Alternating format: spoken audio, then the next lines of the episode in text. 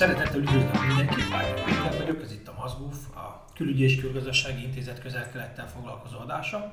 Itt van velem öreg kollégám, Szalai Máté. Sziasztok!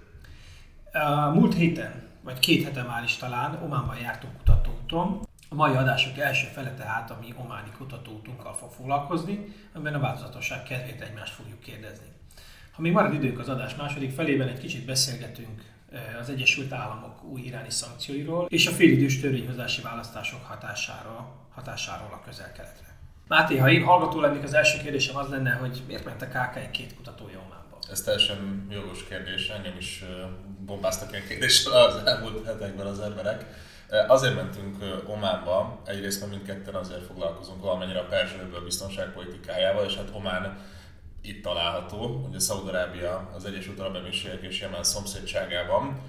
Másrésztről viszont Ománnak van egy nagyon érdekes szerepe a közel-keleten, ami gyakorlatilag egy ilyen egyensúlyozó, közvetítő szerepet jelent, akár Irán és az Egyesült Államok között, akár ugye palesztin hatóságok és Izrael között. Ugye ennek ez egy bizonyítéka volt, hogy aznap, amikor érkeztünk, Benjamin Netanyahu maszkati, tehát ománi látogatásáról szóló hírek napvilágot láttak, és hát az 5.3 nappal Mahmoud Abbas is megfordult az ománi szultánnál, Kábusznál, és harmadrészt ugye az ománi azért kell Ománba mennünk, mert Omán egy tipikusan olyan autoriter perzsőből menti rendszer, ahonnan nagyon kevés információ jön ki, ezért az, aki információt akar szerezni Ománról, annak oda kell menni Ománba, és talán ez még nem is elég, nagyon közel kell kerülni azokhoz a rezsimhez kötődő emberekhez, rezsimhez kötődő körökhöz, akik információval bírnak, és akik ezt át is adják.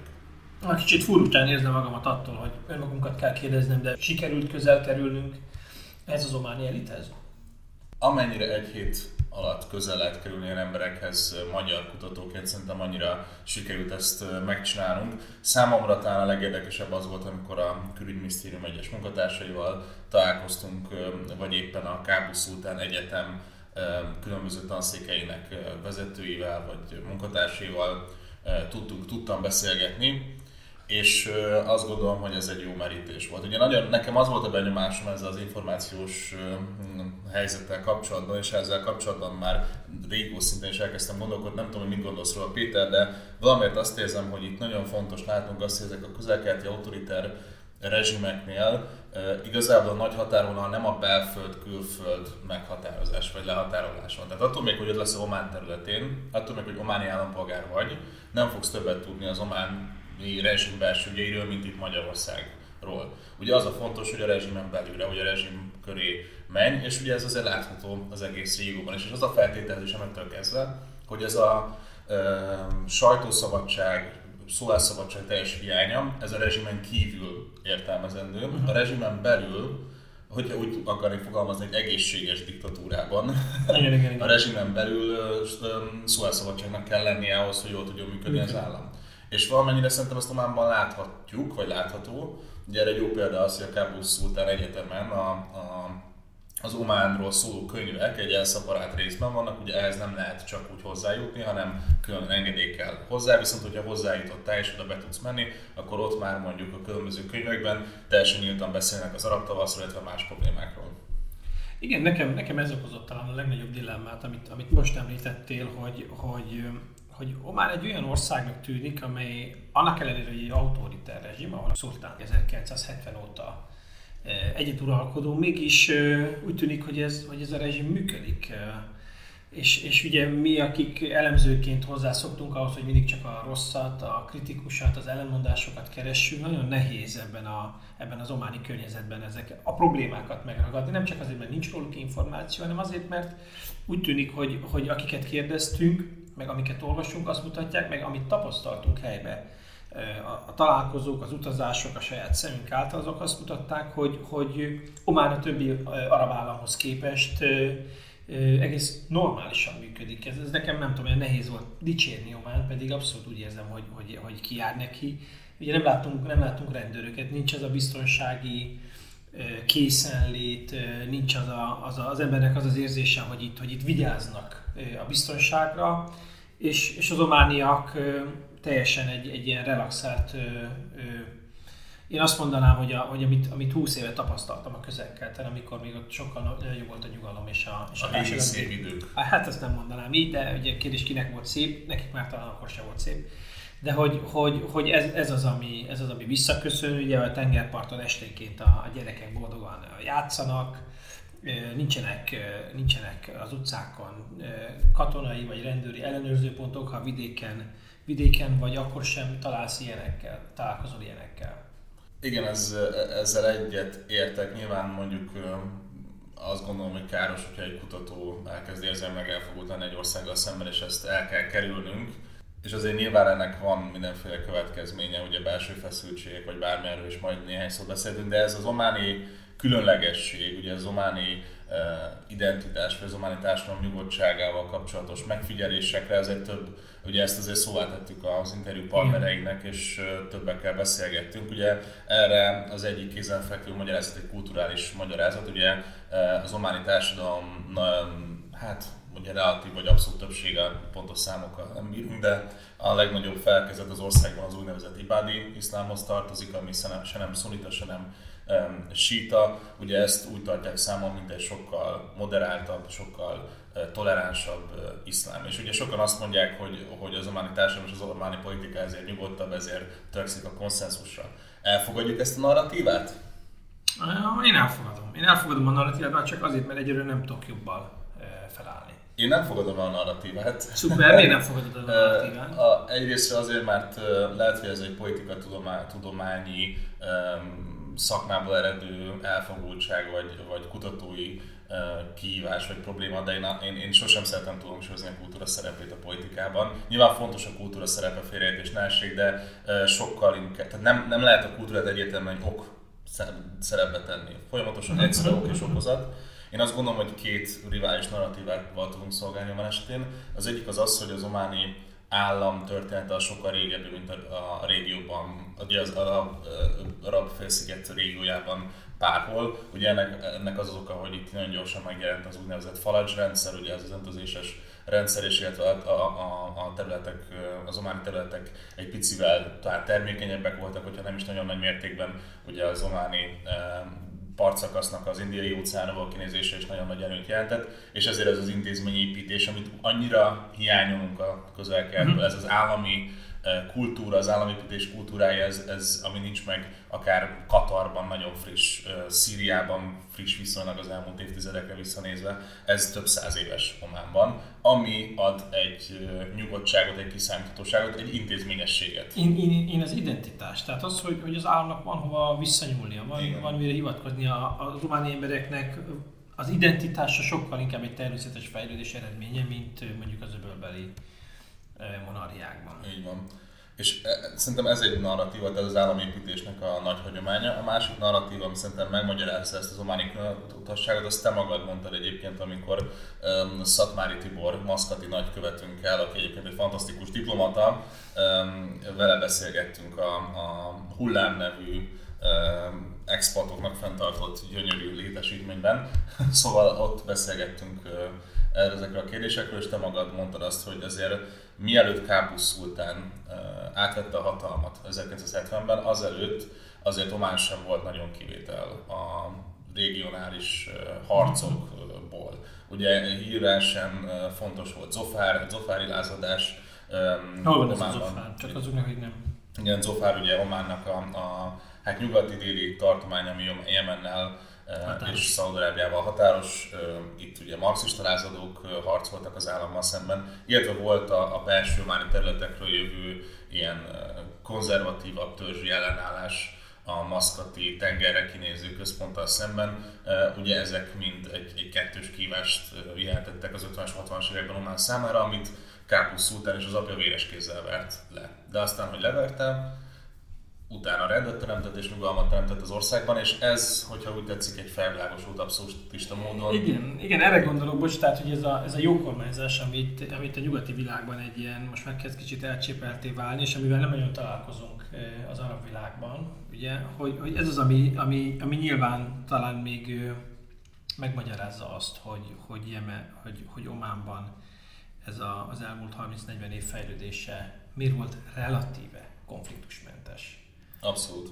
És ugye itt már nem kell szerintem még egy okot keresnünk, ugye tudjuk azt, hogy az ilyen államokban, ami amik nem annyira fejlettek, hiszen már nem volt egy fejlett állam a hagyományok ellenére sem a 60-as, 70-es években. Annak ellenére az uralkodó személynek sokkal nagyobb a befolyása. Igen. Ugye most, hogyha Trumpot megválasztják, akkor az amerikai külpolitika 90%-a ugyanaz lesz, mint Obama időszakában, hogyha más a szultán Románban, akkor az egész külpolitika megváltozhat. Így van. Szóval emiatt azt gondolom, hogy Szultán Kábusznak a szerepe az nehezen jó, akkor viszont amit mondasz, felveti a kérdést, hogy mi lesz Kábusz Szultán halála után. Tavaly, mikor voltunk az emírségekben, akkor, akkor ott már ez, ez szóba került a különböző szakértőkkel folytatott beszélgetésen, hogy az uralkorú rendkívül öreg, nincs utód, nincs fiú vagy lánygyermeke, és ennél fogva, hát a király családban vannak még potenciális trónörökösök, ugye, de nincs jelenleg kijelölt örökös.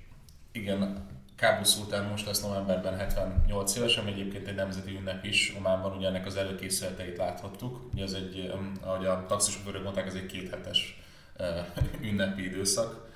És teljesen igaz az, hogy nagy kérdője, hogy mi lesz az uralkodóváltás után.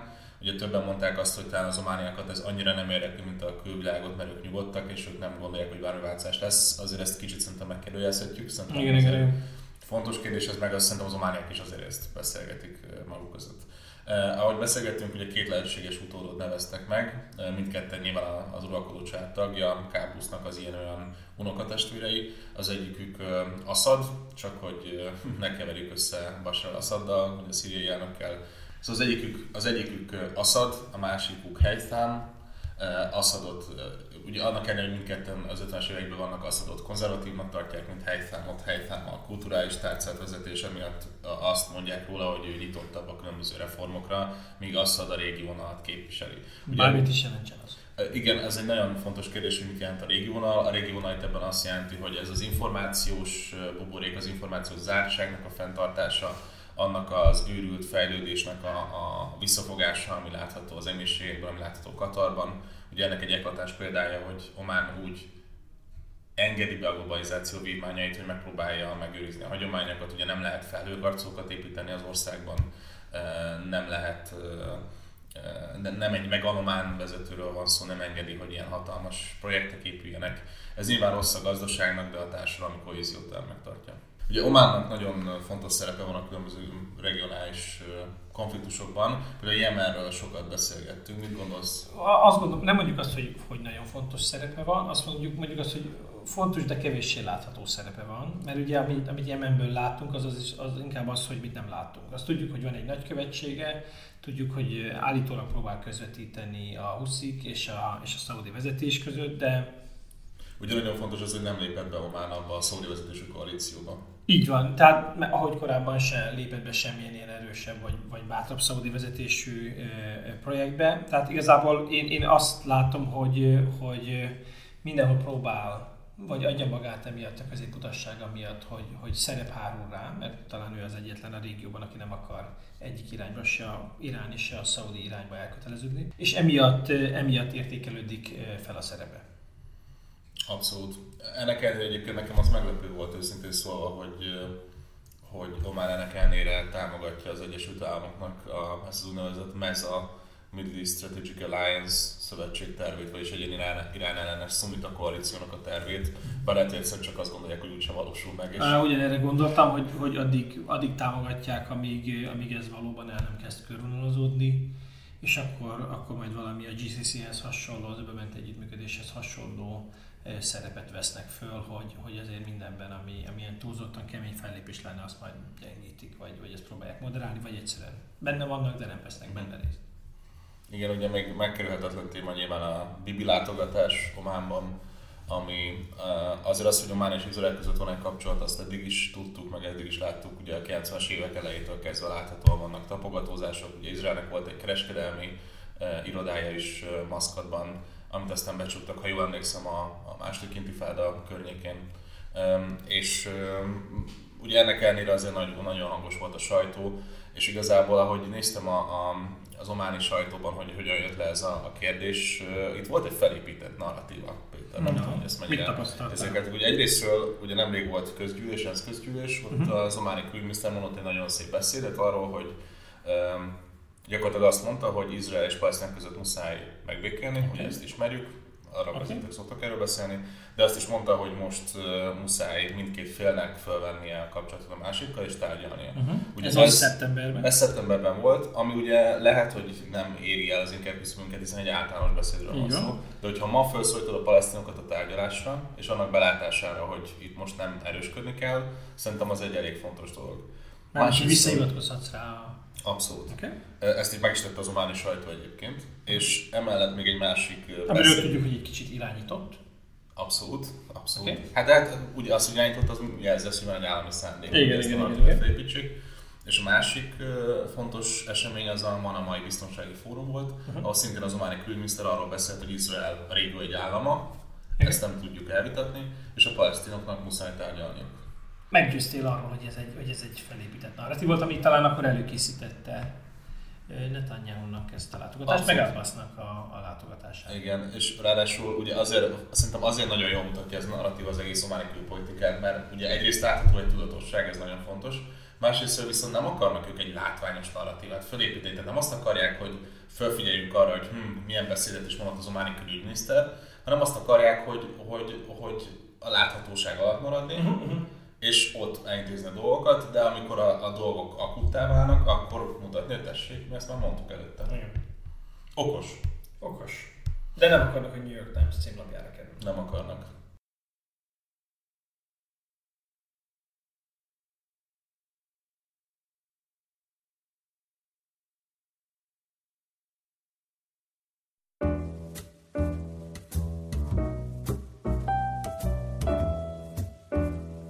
Nem csak a mi ománi útunk történt meg az elkelet vonatkozásában az elmúlt hetekben, több fontos esemény is történt, több fontos dátumot is magunk mögött hagytunk. Ilyen volt november 5-e, amikor életbe léptek különböző amerikai elsődleges és másodlagos szankciók Iránnal kapcsolatban.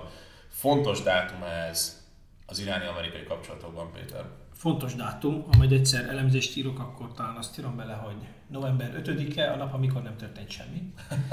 Mert ugye mindenki, talán mondhatom azt, hogy mindenki azt várta, hogy, hogy Donald Trump hatalmas bejelentést tesz, erre voltak ilyen kommunikációs lépések, vártuk azt, hogy akkor ezzel majd a sajt, meg a nemzetközi közösség foglalkozik.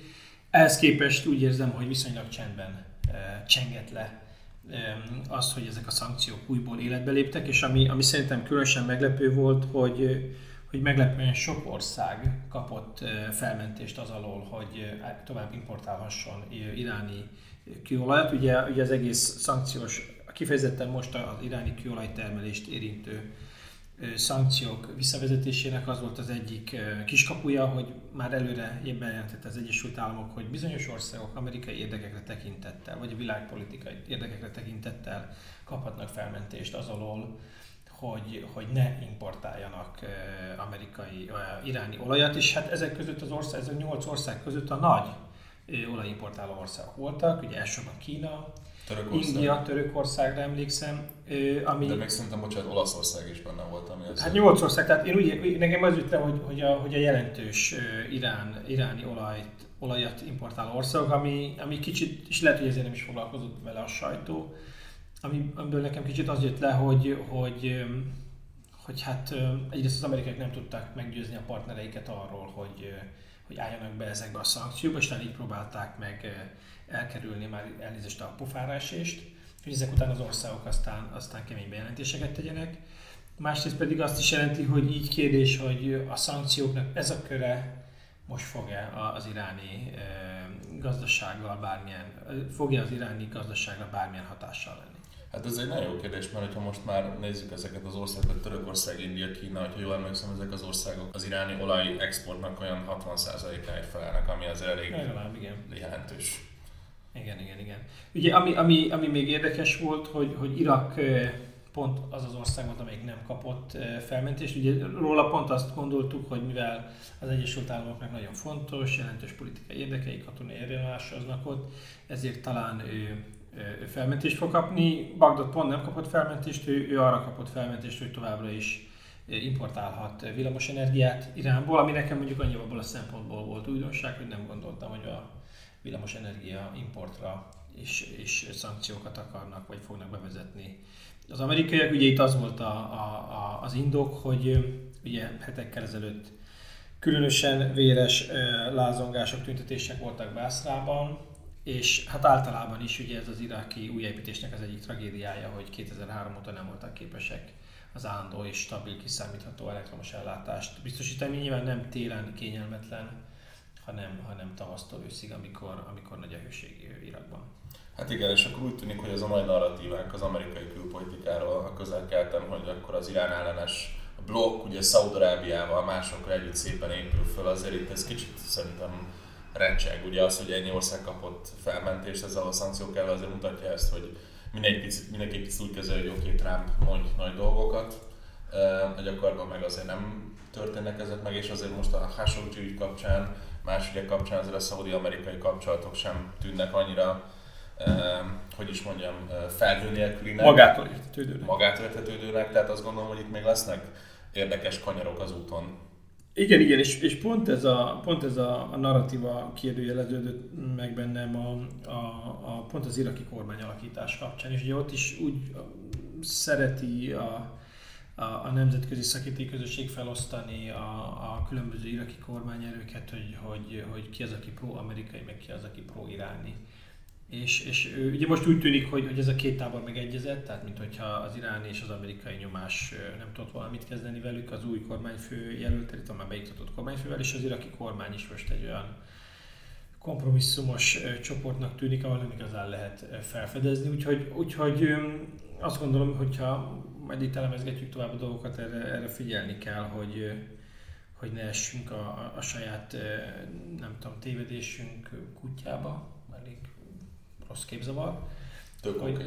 hogy, hogy, hogy, hogy, bele akarjuk látni olyan dolgokat a közelketi folyamatokba, amelyek esetleg még nincsenek benne, vagy nem lesznek benne. Abszolút. És mindenre szerinted hogyan hatottak a félidős amerikai törvényhozási választások? A rövid válasz az, hogy sehogy. a hosszú válasz az, hogy egy picit. Szerintem egyrésztről ugye tudjuk azt, hogy az Egyesült Államok modernkori történetében elég megszokott az, hogy a félidős választásokon az ellenzék pártjai győznek. Ugye részben ennek ebből következik az is, hogy az elnökök a ciklusok másik felében jobban fókuszálnak a külpolitikára, hiszen külpolitikában könnyebb a törvényhozás nélkül nagyon sok mindent megtenni. Nyilván ez nem vonatkozik olyan aktusokra, amik a törvényhozást is érintik, de nagyon sok minden. Az, hogy tárgyalj valakivel, vagy, vagy közvetíts, vagy bármi az nem kell törvényhozás. Mm. És ugye emiatt sokan mondják azt, hogy Trump az a következő két évben sokat fog a külpolitikával foglalkozni. Én azt gondolom, hogy az izraeli-palesztin kérdésben biztos, hogy lát, hallunk majd valamit. A következő időszakban ugye Jared Kushner a, a Trump elnök lányának férje, aki a közelkeleti politikának az egyik fontos alakja, sajnos vagy szerencsére.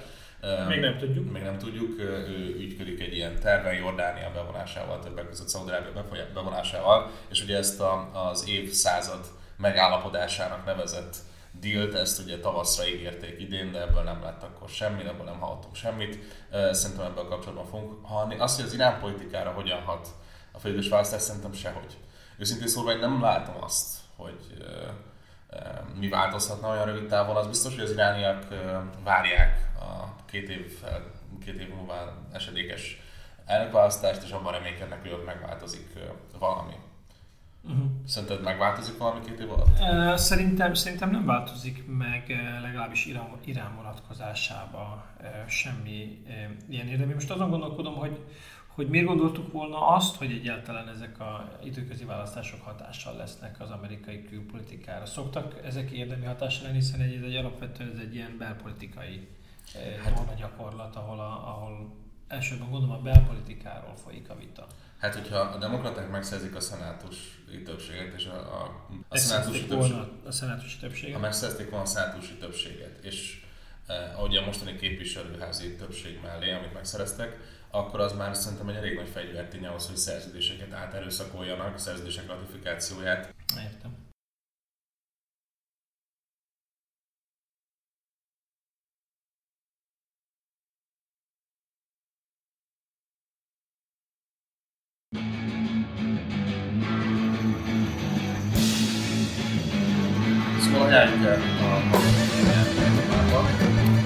Omán abszolút egy, egy jó, de kicsit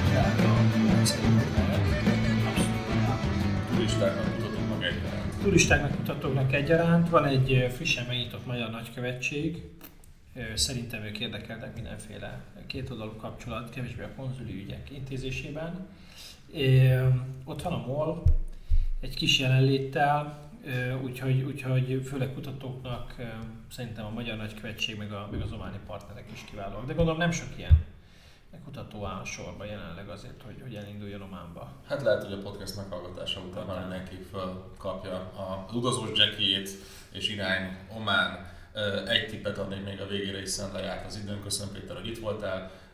Mindenkinek azt társoljuk, hogy googlizzák meg a Paklai Csint így van, és googlizzák meg a külügyi intézetnek a kisállamokról szóló kiadványát, mert abban írtál egy tanulmányt Ománról Jól tetszett a igen, elolvastam, elolvastam, és, és tetszett. Szerintem egy jó megoldás, és kellően rövid ahhoz, hogy egy átlagos olvasó is gyorsan elolvassa. Ennél nagyobb elismerést nem hallottam az elmúlt egy órában. Ez ügyes.